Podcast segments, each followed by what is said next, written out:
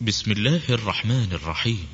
اليقين المؤسسة الإسلامية للإنتاج الإعلامي والتوزيع بجدة تقدم العيش في الزمان الصعب. لفضيلة الدكتور عبد الكريم بكار. والآن مع الشريط الأول. بسم الله الرحمن الرحيم. العيش في الزمان الصعب. الحمد لله أهل كل حمد. وولي كل نعمة وصلى الله وسلم على عبده ونبيه محمد وعلى آله وصحبه ومن سلك سبيلهم واهتدى بهديهم إلى يوم الدين. وبعد فإني في هذا العمل أحاول أن أبذل جهدي في أن أشرح لإخوة المسلمين وأخوات المسلمات الصعوبات التي يلاقيها كل من يريد أن يعيش في هذا الزمان محافظا على مبادئه وأخلاقه وعلى كرامته وحقوقه وكل من يريد أن يكون على مستوى التحديات الجمة التي تولدها الحياة الحديثة. كما أحاول أن أشرح ما يستوجبه كل ذلك من مفاهيم وأخلاق ومواقف ومهارات ومجاهدات ومن الله تعالى الهداية والمعونة. حين نسمع عنوانا من مثل عصرنا وزماننا وحياتنا المعاصرة يثور في أذهان كثيرين منا سؤال مشروع هو هل الناس في الأرض يعيشون عصرا واحدا وزمانا واحدا حتى يحسن أن نوجه إليهم خطابا واحدا؟ أقول في الجواب على ذلك لا يمكن للناس أن يواجهوا تحديات واحدة ولا أن يجدوا فرصا موحدة لكن يمكن أن أقول مطمئنا. إن كل الناس في الأرض باتوا يعيشون تحت هيمنة شروط ومتطلبات واحدة. وتلك الشروط والمتطلبات يضعها العالم الصناعي الذي تقوم دوله بإنتاج المفاهيم والنظم والآلات التي تشكل مختلف جوانب الحياة المعاصرة. وثورة الاتصالات التي تأخذ في التعمق والانتشار في كل ساعة قد عولمت تطلعات الناس وأحلامهم ورفعت مستوى الحد الأدنى من الأهلية والكفاءة واللياقة التي يحتاجها كل واحد منا للعيش في هذا الزمان. كما عولمت الجرائم والأزمات وأصبح العالم أشبه بماء في قدر يكفي أن تحرك أحد أطرافه ليتحرك الماء كله. ولنا بعد هذا أن نتساءل. هل هناك شعب لا يتطلع إلى أن تتوفر له إمدادات الماء والكهرباء وخطوط الهاتف والطرق المعبدة والخدمات الطبية والبلدية المختلفة. هل هناك شعب لا يتطلع إلى الحصول على الأطعمة الوفيرة والمساكن المكيفة الفسيحة والمركبات المريحة؟ هل هناك شعب لا يتطلع إلى أن يؤسس في حياته علاقات تقوم على نيل الحقوق وأداء الواجبات إلى جانب التطلع إلى حياة تسودها الاستقامة الإدارية وتكافؤ الفرص.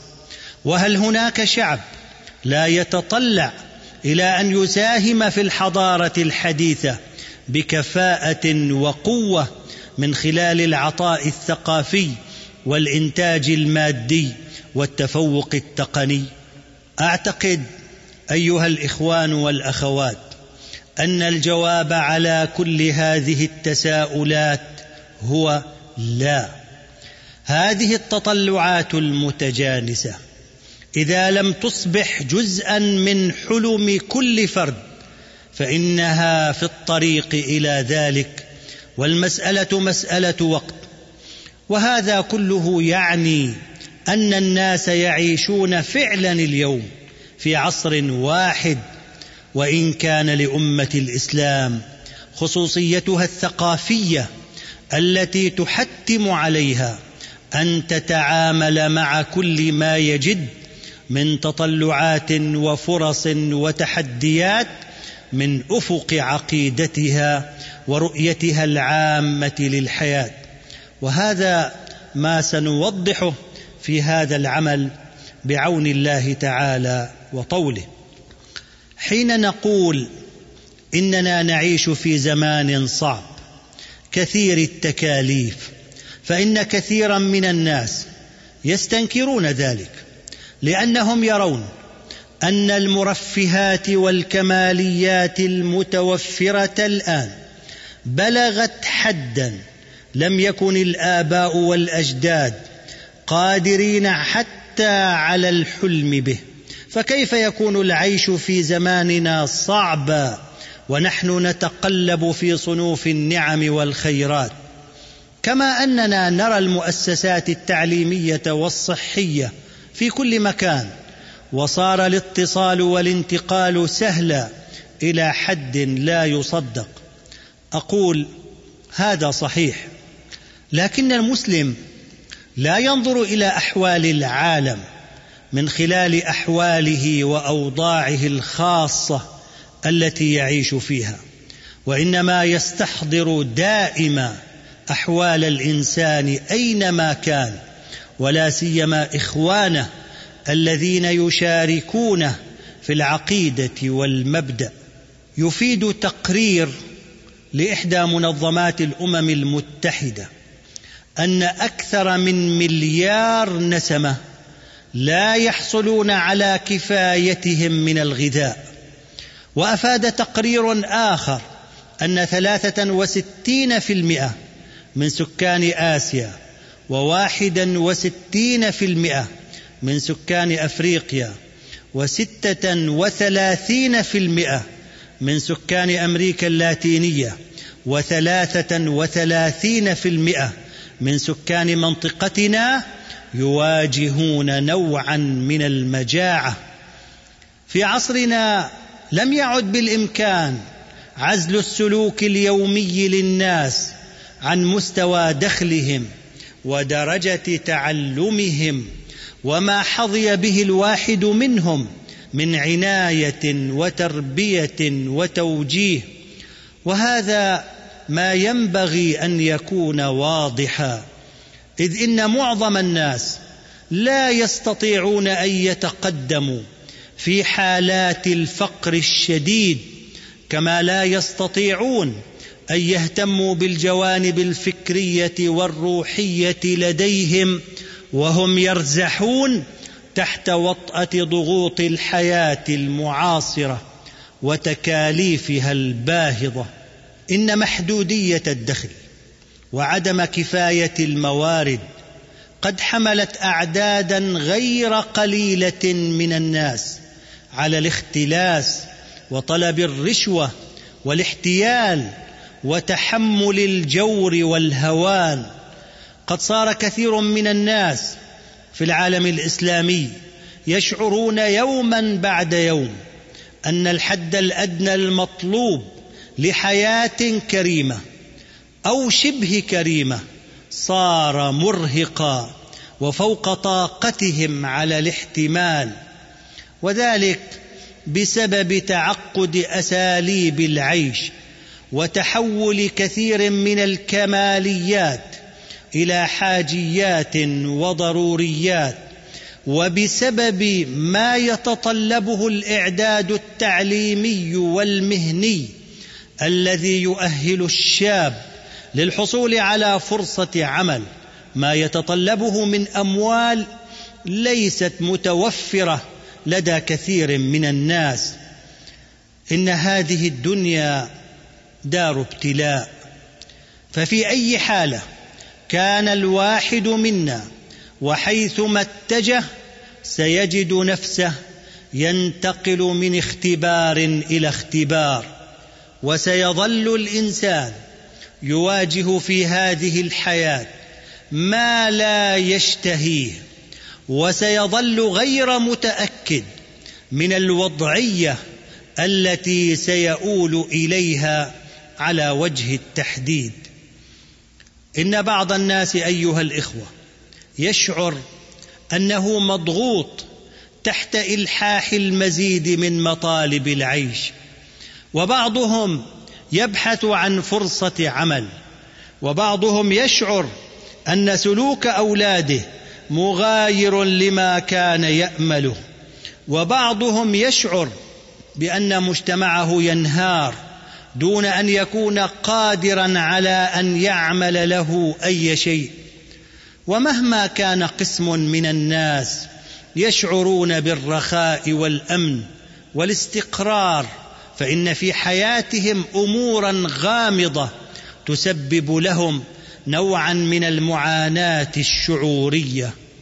وتلك الأمور الغامضة ربما كانت نابعة من الضجيج والزحام وزيادة التحديات وتعقيد النظم وسرعة التغيرات وانتشار روح التشاؤم والعدمية وانخفاض المؤازرة الاجتماعية وضعف التيار الروحي والخوف من مفاجآت المستقبل وضعف الإحساس بالهدف إلى آخره إلى آخره.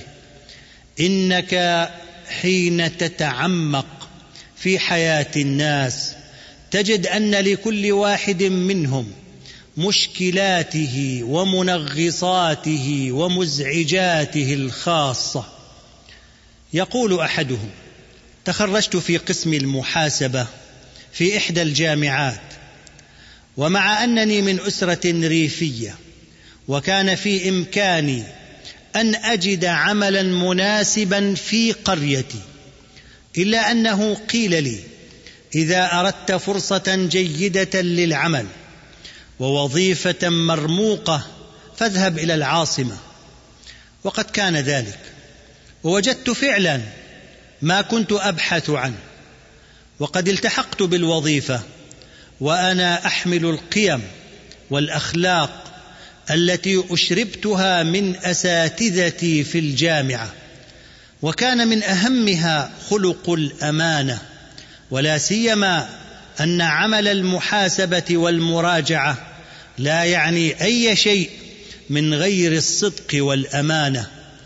وقد أظهرت كفاءة وجدارة في الشركة التي كنت أعمل فيها وحصلت على ترقيات سريعة خلال فترة قصيرة وبدأت نفقاتي في البيت تتسع على مقدار تحسن راتبي وكان رئيسي في العمل قد عين ابنه في الشركة وبدأ ذلك الابن يستغل منصب أبيه إلى أن وصل إلى ممارسة التزوير وأخذ الأموال من الشركة بغير وجه حق.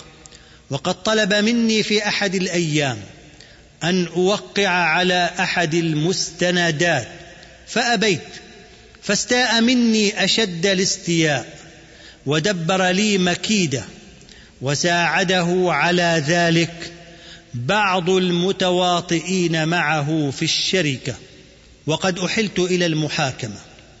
ولولا إنصاف القاضي وشهادة بعض الزملاء لصالحي لكنت الآن في السجن. وبعد ثبوت براءتي صار استمراري في العمل في تلك الشركة أشبه بالمستحيل.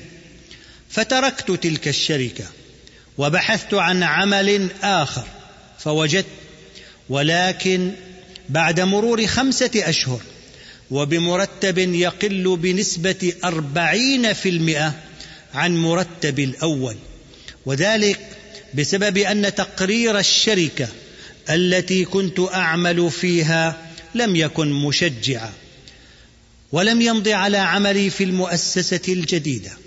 سوى شهرين حتى اكتشفت سلوكا مشينا للجنة المشتريات وطلب مني السكوت وإلا فقدت عملي وقد دخلت في صراع مع نفسي حيث إن مبادئي وطبيعة عملي لا يسمحان لي بالسكوت على ذلك ولكنني تذكرت أنني اذا ذلك الوقت لم أستطع تسديد الديون التي تراكمت علي أثناء بطالتي عن العمل وبعد شد وجذب. أعانني الله تعالى على نفسي وانتصرت مبادئي وضميري فأخبرت مدير الشركة فقام بعزل تلك اللجنة وطالبني بمراجعة دقيقة لكل أعمالها. ففعلت. وكشفت الأموال الضخمة التي استولت عليها لجنة المناقصات بسبب مناقصات وعروض مزيفة. ومن وقتها صرت العدو رقم واحد لأعضاء اللجنة وقرروا التخلص مني وإبعادي عن الشركة. وقد حدث أن خسرت تلك الشركة في بعض مشروعاتها فقررت تخفيض عدد موظفيها وكنت أنا على رأس القائمة وعدت إلى بيتي لأواجه بعاصفة احتجاج من زوجتي التي اتهمتني بالعجز وقلة الحيلة وكان مما قالته لي فلان وفلان من أصدقائك لم يفصلوا من أعمالهم لأنهم لم يتدخلوا في كل شاردة وواردة. أما أنت فإنك لم تعد تنظر إلى نفسك على أنك محاسب وكفى بل استولى عليك الغرور حتى ظننت نفسك أنك أحد مصلحي العالم الكبار. أقول هذا وأنا ما زلت أبحث عن عمل ولا أدري إذا وجدت عملا كيف سيكون حالي فيه؟ هذا أيها الإخوة الكرام لون واحد من ألوان كثيرة من المعاناة التي يلاقيها الإنسان المستقيم في زماننا الصعب. قد ارتقى مستوى الحياة في كل بلاد العالم لكن ذلك الارتقاء صار يشكل عبئا ثقيلا ومرهقا على كثير من الناس. وسيعجب السامع الكريم إذا قلنا إنه في بلاد إسلامية كثيرة يحتاج الموظف المتوسط إلى أن يجمع كل مرتباته مدة عشرين عاما حتى يستطيع شراء مسكن صغير. يؤويه مع أولاده. وفي بعض الدول لا يستطيع الحصول عليه ولو جمع مرتبات نصف قرن. هناك إلى جانب هذا كابوس البطالة الذي يزعج كثيرا من الناس فحين يكون كثير من العاملين عاجزين عن تسديد ثمن الحاجات اليومية فكيف يكون؟ شأن الذي يجلس السنة والسنتين دون أن يكسب أي شيء. إن مشكلة البطالة ليست محصورة في فقد المرء لمصدر قوته وإنما يتولد عنها آثار نفسية وسلوكية واجتماعية خطيرة.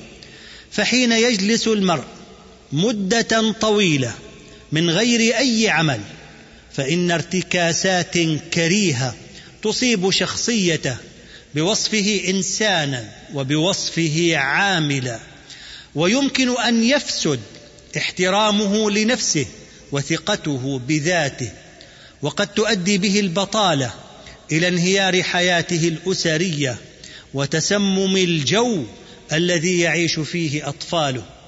وهذا كله في كفة. وما يمكن أن ينغمس فيه من اللهو مع قرناء السوء وإدمان المخدرات في كفة أخرى ليصبح في النهاية أقرب إلى المشوه والمعوق. لا أريد أن أمضي أكثر فأكثر. في ذكر الأسباب التي جعلت الحياة صعبة وشاقة بالنسبة إلى كثير من المسلمين.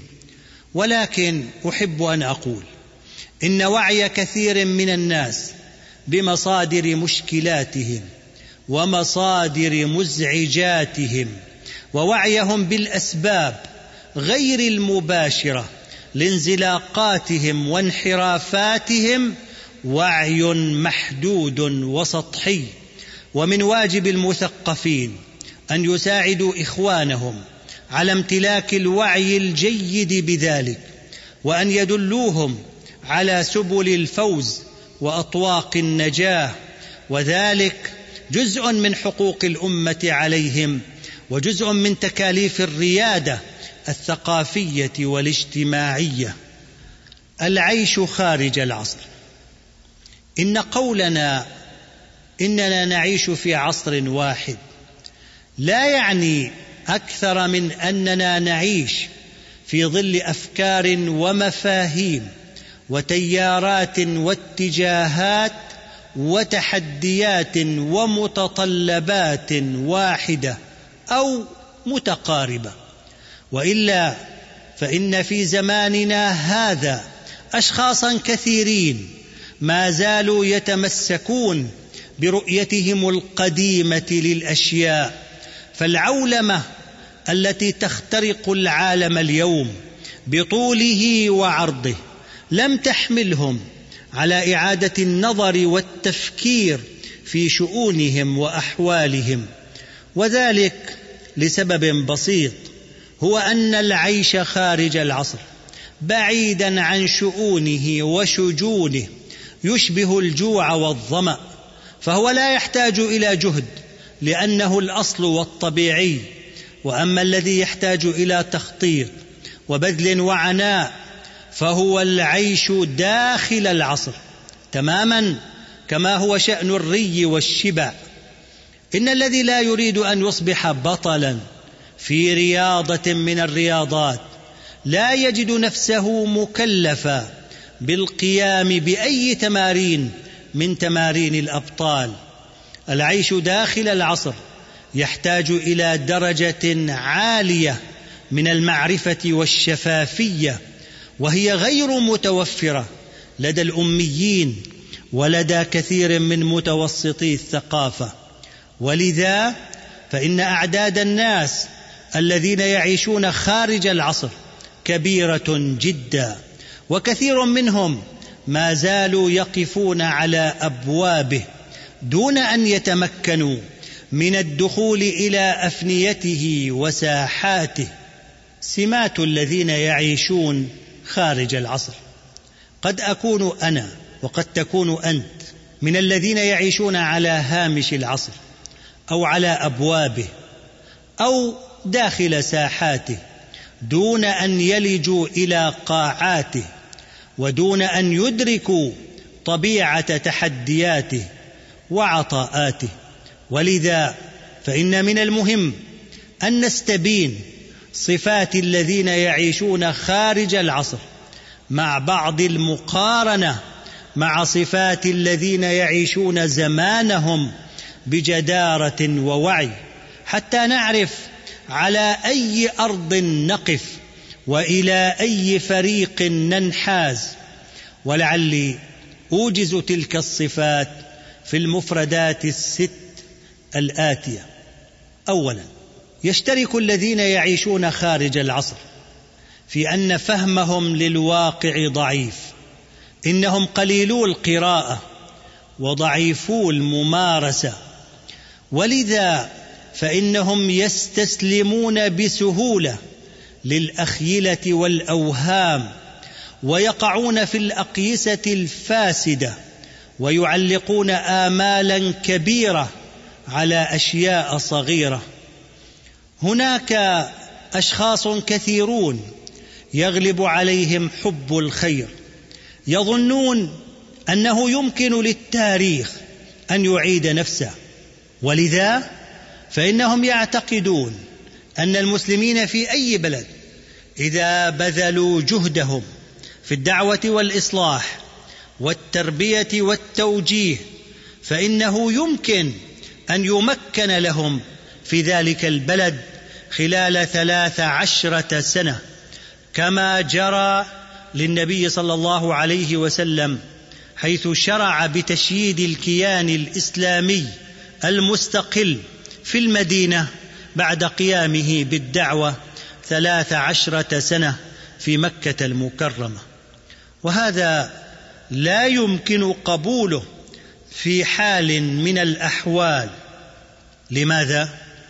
لأنه جرت خلال هذه القرون المتطاولة تغييرات فكرية واجتماعية وكيميائية وفيزيائية تجعل عودة ذلك غير ممكنة.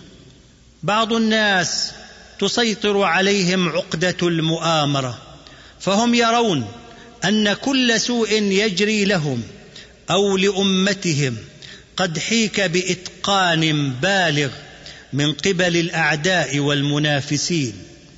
ومع أن العالم لا يخلو من التآمر في حقيقة الأمر إلا أن القرآن الكريم يعلمنا أن ما يعانيه البشر ومنهم المسلمون طبعا هو شيء من صنع أيديهم في المقام الأول كما قال الله جل وعلا أولما أصابتكم مصيبة قد أصبتم مثليها قلتم انى هذا قل هو من عند أنفسكم. وكما قال وما ظلمناهم ولكن أنفسهم يظلمون. إن الذين يفسرون كل المصائب التي تحل بهم.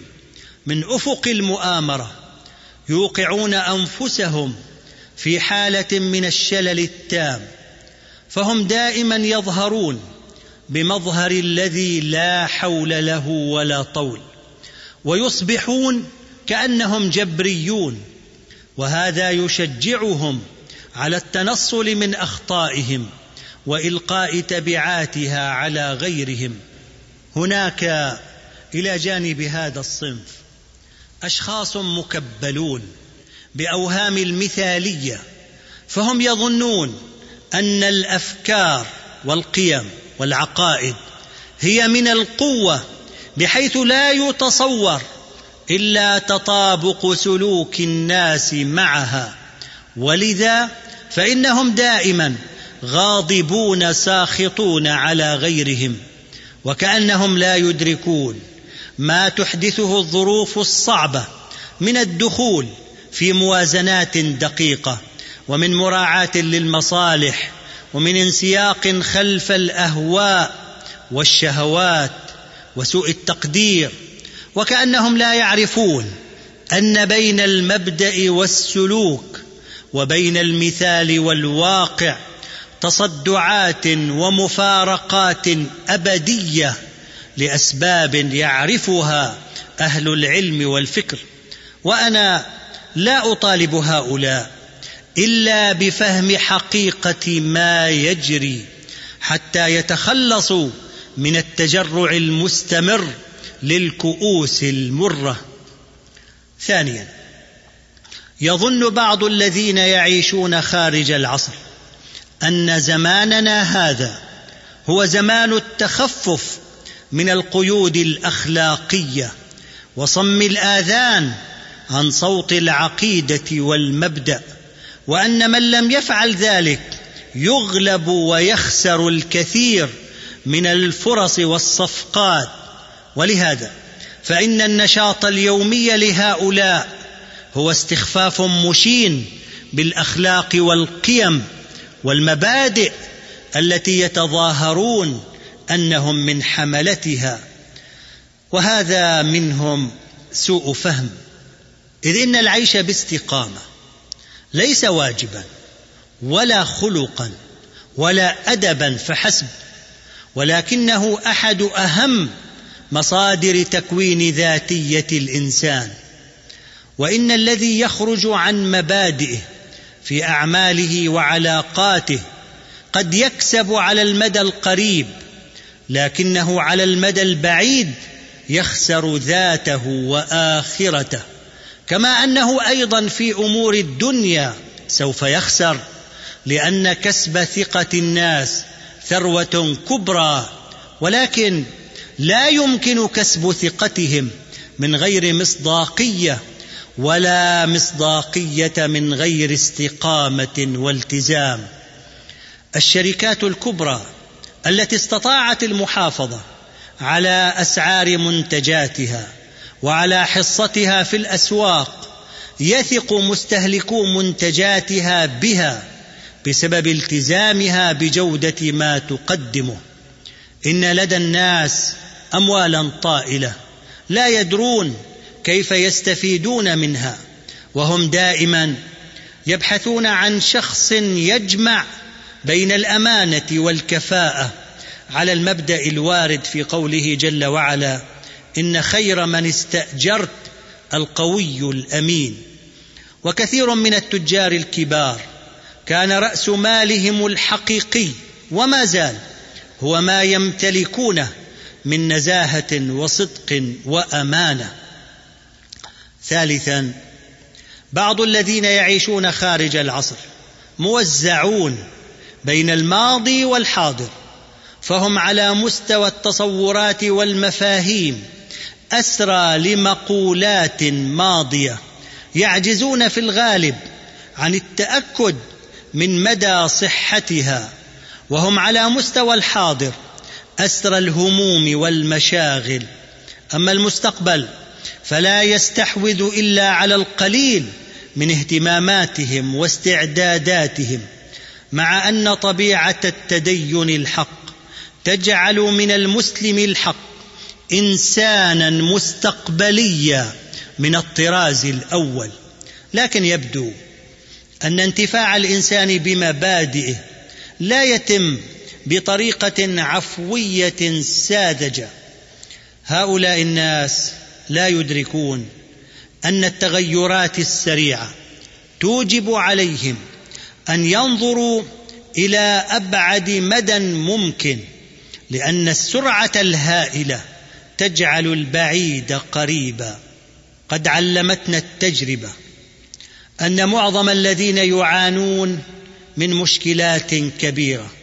هم أشخاص مصابون أصلا بقصر النظر وضعف الاهتمام بالمستقبل.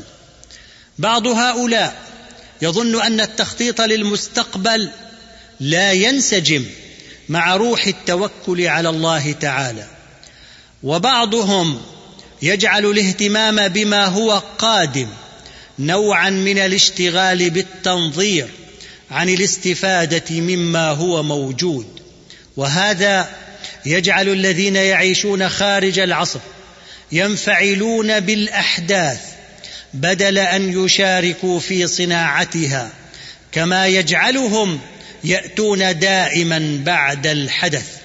رابعا من سمات الذين يعيشون خارج العصر أنهم يفقدون روح المبادرة الشخصية فهم ما زالوا ينتظرون من غيرهم نوعا من الرعاية لهم إنهم في جوهر الأمر حملوا معهم إلى مرحلة الشباب والكهولة روح الطفولة حيث إن الطفل يفضل عبارة أنت أنت لا تحبني أنت ما أخذتني أنت ما أعطيتني إلى آخره. إذا حاولنا أن نعمق النظر في أحوال عصرنا فإننا سنجد أن المبادرة الفردية قد أسهمت على نحو فذ في تكوين النهضة الحديثة وإن كثيرا من الأعمال الجليلة ما كان له أن يظهر إلى الوجود لولا أن أصحابه آمنوا بالتجاوز والانطلاق. وإني أعرف أشخاصا كثيرين لديهم أفكار رائعة لكنهم ينتظرون غيرهم ليقوم بتنفيذها. أو ليساعدهم في ذلك. لكن ذلك المنتظر طال غيابه وربما لن يحضر أبدا. ولو أنهم بدأوا بتنفيذ ما يقبل التنفيذ منها لوجدوا كثيرين ينضمون إليهم ويساعدونهم على إكمالها. إن التربية العامة لدينا ما زالت تركز على تنشئة الإنسان التابع والمعتمد على غيره مع أن الوضعية العامة للتكليف في الإسلام تؤكد على تنمية روح المبادرة وروح تحمل المسؤولية وسلوك طرق الخير مهما كانت مهجورة وموحشة على حد ما نلمسه. في قول الله جل وعلا فاستبقوا الخيرات وقوله وسارعوا إلى مغفرة من ربكم وجنة عرضها السماوات والأرض أعدت للمتقين وقوله ولا تزر وازرة وزر أخرى وقوله وأن ليس للإنسان إلا ما سعى وأن سعيه سوف يرى ثم يجزاه الجزاء الأوفى. خامسا اهتمام الذين يعيشون خارج العصر بالوقت شبه معدوم فالذي لا يتم إنجازه اليوم يمكن أن ينجز غدا أو بعد غد وهم على خبرة واسعة بقتل الوقت وإنفاقه في أعمال لا تعود عليهم أو على غيرهم بأي فائدة. العالم المتقدم اخترع آلات لقياس أجزاء الثانية عنوانا على أهمية الوقت في الحياة المعاصرة والذين يعيشون خارج العصر يستخدمون في التعامل مع الزمن الأيام والشهور للدلالة على أنهم ينتمون إلى غير هذا العالم وغير هذا الزمان. وبما أن القوم يعيشون من غير أهداف واضحة فإن مطالبتهم بالحرص على الوقت قد تكون غير ذات معنى. سادسا وأخيرا الإهمال والفوضى سمتان ملازمتان لكثير ممن يعيشون خارج العصر. إهمال للصحة والمظهر والعمل والأهل والعلاقات الاجتماعية. الفوضى تضرب أطنابها في كل شؤون حياتهم حيث إن لديهم دائما التزامات كثيرة وإنجازات قليلة لأنه ليس لديهم البرامج لتحقيقها. كل شيء في حياتهم جائز ويمكن أن تتوقع منهم أي شيء. هذا مع أن الذين قدموا إنجازات كبرى للبشرية في هذا الزمان كانوا دائما يبدون اهتماما بكل شيء حتى التفاصيل الصغيرة.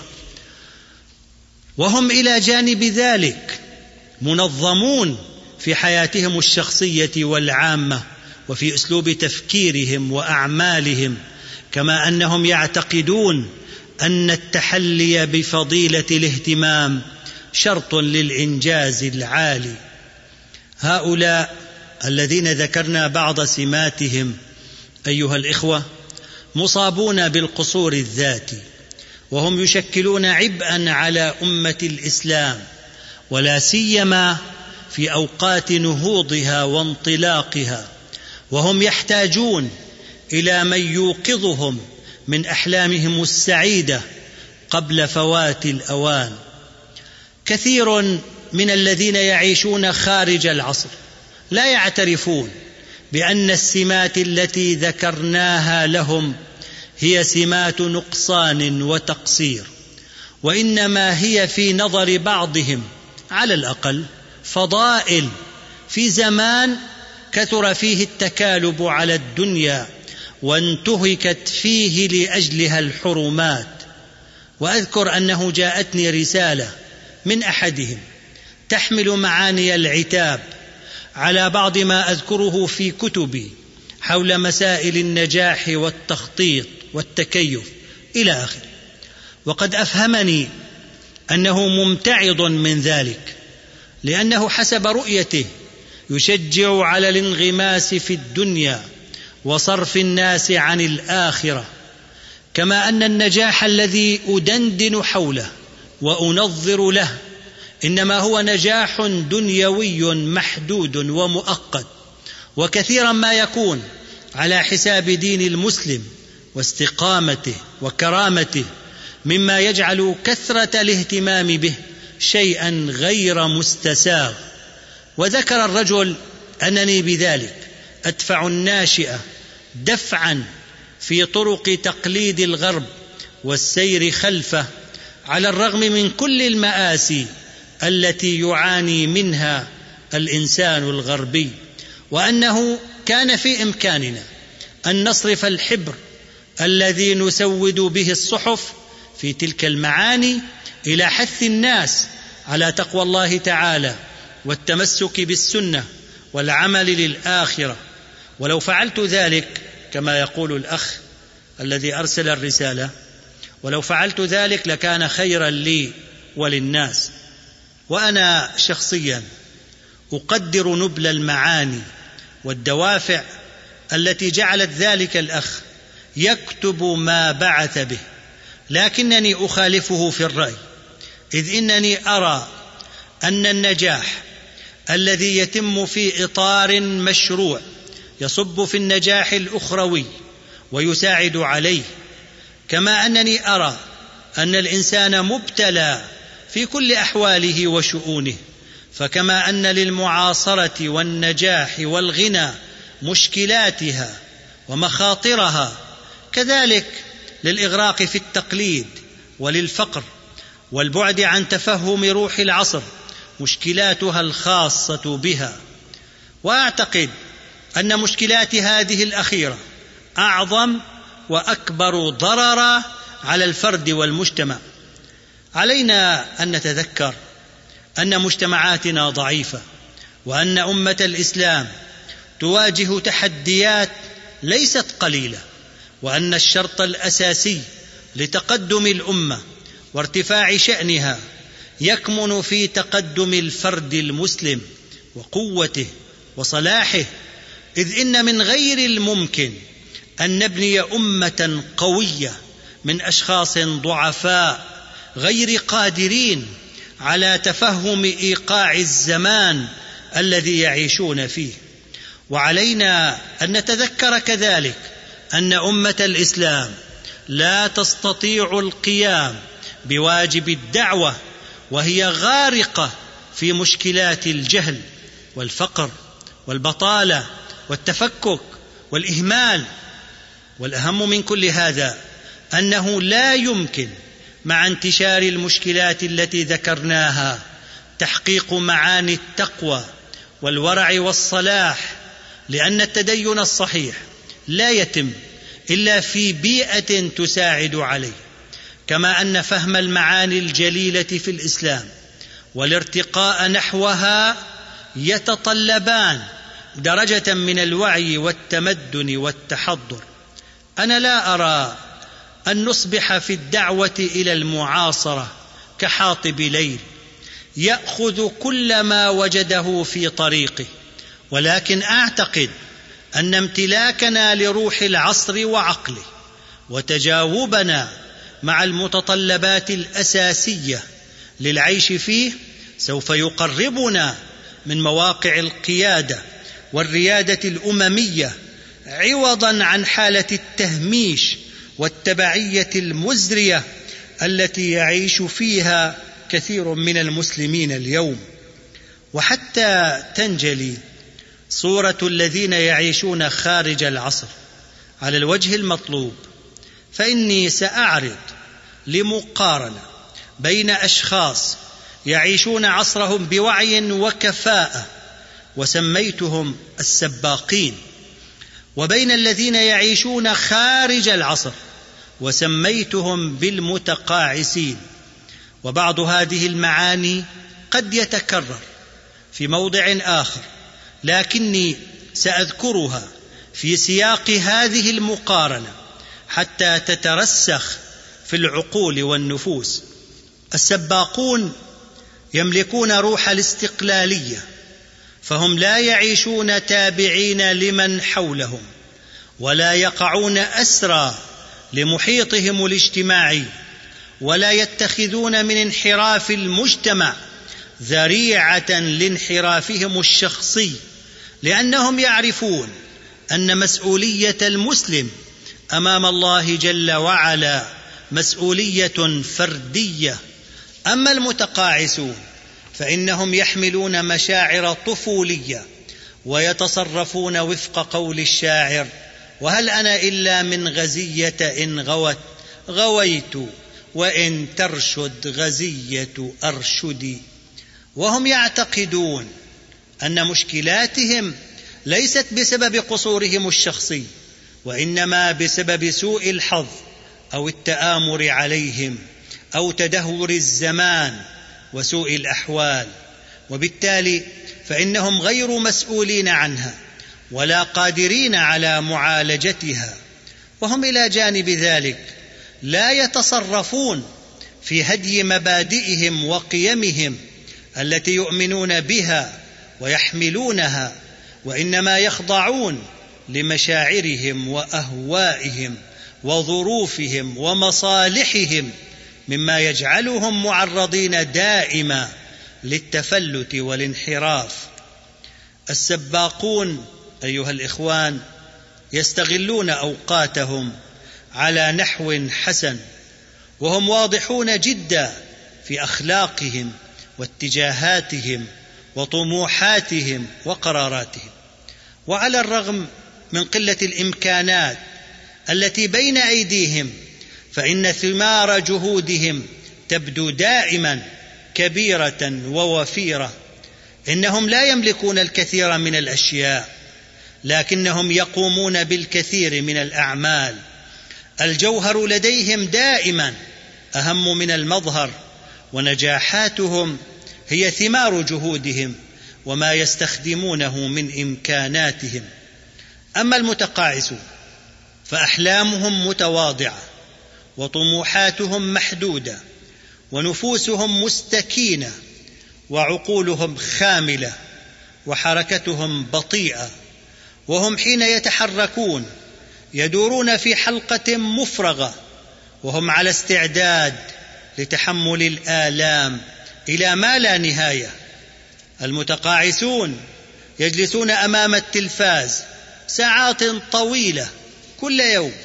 حيث تخلو حياتهم من الأهداف والخطط التي تستحق العمل والنصب وهم يشترون الفرش الوثيرة ويجلسون عليها أطول فترة ممكنة والاستلقاء أحب إليهم من الجلوس وكأنهم يعملون بقول القائل إذا لم تستطع أن تعمل شيئا فلا أقل من أن تستمتع بالنظر إلى من يعمل. المتقاعسون يعانون من البطالة على الرغم من توفر فرص العمل لأنهم غير قادرين على تأهيل أنفسهم للتكيف معها وحين يتجه الناس إلى أعمالهم في الصباح يتجهون هم إلى النوم لأنهم لم يناموا في الليل. أو يتجهون إلى أماكن عملهم حيث البطالة المقنعة وحيث تتضاءل الفروق بين من يعمل وبين من لا يعمل. المتقاعسون لا يعتمدون على كفاءتهم الشخصية في الوصول إلى ما يريدون وإنما ينجزون أعمالهم عن طريق الواسطة أو الرشوة وعندما تحيط بهم مشكلة يؤثرون الدوران حولها عوضا عن مواجهتها بصبر وثبات. ولذلك فالتسويف وتأجيل أعمال اليوم إلى الغد من أبرز سماتهم. لا يملك المتقاعسون روح الاستمرار في العمل ويبحثون دائما عن خبطة العمر التي ستعوضهم عن كل ما فات. على حد قول من يقول فرصة واحدة تكفي. يعيش المتقاعسون دائما في منطقة رمادية يحدها من الشمال الحيرة والتردد ومن اليمين العجز ومن الشرق البكاء على الأطلال ومن الغرب الرؤية الضبابية. وإن من يعيش في مثل تلك المنطقة لا يستطيع إلا أن يكون محبطا مفلسا وضعيفا. إن السباق والمتقاعس قد يعيشان تحت سقف واحد وقد يحملان شهادتين متماثلتين ويقومان بأعمال تبدو للناظر العجل متشابهة. لكن كل ذلك عبارة عن تشابه شكلي لأنهما ينتميان إلى عالمين مختلفين ولا يجمع بينهما سوى عبقرية المكان. يقول أحد الموظفين لما كنت طالبا في المرحلة المتوسطة كان ابن جيراننا مصطفى متفوقا في دراسته وكنت أغار منه وأغبطه لأننا حين كنا ندرس سويا كان متقدما علي في الحفظ والفهم وكانت درجات اختباراته دائما أفضل من درجاتي. وحين انتقلنا إلى المرحلة الثانوية بدأت أحوال جاري وزميلي بالتغير حيث تعرف على أبناء أصدقاء والده والذي كان يعمل في التجارة. وقد تمكن بعض أولئك الأبناء أن يقنعوه من أنه لا جدوى من إكماله لتعليمه وأنه إذا ساعد والده في أعماله فإنه سيحصل على كل ما يريده في هذه الحياة على حين أنه إذا درس في الجامعة فلن يكون أكثر من مدرس أو موظف صغير. هذا التوجه الجديد لديه صاغ رؤيته من جديد للحياة وللدراسة فقد صار يتضايق من مكوثنا للمذاكرة أكثر من ساعتين يوميا مع أننا كنا في الصف الثالث المتوسط نذاكر أربع ساعات يوميا وصار يقول باستمرار هذا الجهد في المذاكرة وكتابة الواجبات لو بذلته في عمل حر لوجدت ثماره مباشرة. وأما ما أفعله الآن فلا أدري ما الذي أستفيده منه. زميلي هذا صار يتأخر في السهر مما جعله موضع سخرية من بعض أساتذته لكثرة نومه في الفصل. وهو مع ذلك يدعي بأن المعلمين لا يشرحون على نحو جيد. وقد صار بالإضافة إلى ذلك مشغولا بالدوران بسيارته في شوارع المدينة كما صار خبيرا بالمطاعم الفاخرة في البلد وأخذ يعيب على فلان وفلان من زملائنا بأنهم يشترون حاجاتهم من الأسواق الشعبية. انتهينا من دراسة الثانوية. وحصل زميلي على درجات متدنية جدا فلم يقبل في أي قسم جامعي وهذا في الحقيقة ما كان يسعى إليه. وقد منحه والده مبلغا جيدا ليبدأ به بعض الأعمال التجارية وقد أخذ يستورد بعض السلع من خارج البلاد وقد حقق بعض النجاح في البداية ثم أخذ يستعجل الثراء ويغامر مغامرات غير محسوبة. وحدث بعض الركود في الأسواق فتكدست لديه البضائع وتراكمت عليه الديون. ولولا مساعدة أبيه له مرة أخرى لسجنه الغرماء. وانتهت رحلته في عالم الأعمال الحرة بعد ست سنوات. وقد عثر على وظيفة متواضعة على أساس الثانوية ليقضي فيها باقي عمره. إن هذا الشاب قد توفر له كل ما يجعل منه إنسانا جيدا متفوقا ولكن تغير القيم والمفاهيم والمبادئ والأفكار التي كان يحملها حوله إلى الوضعية التي صار إليها.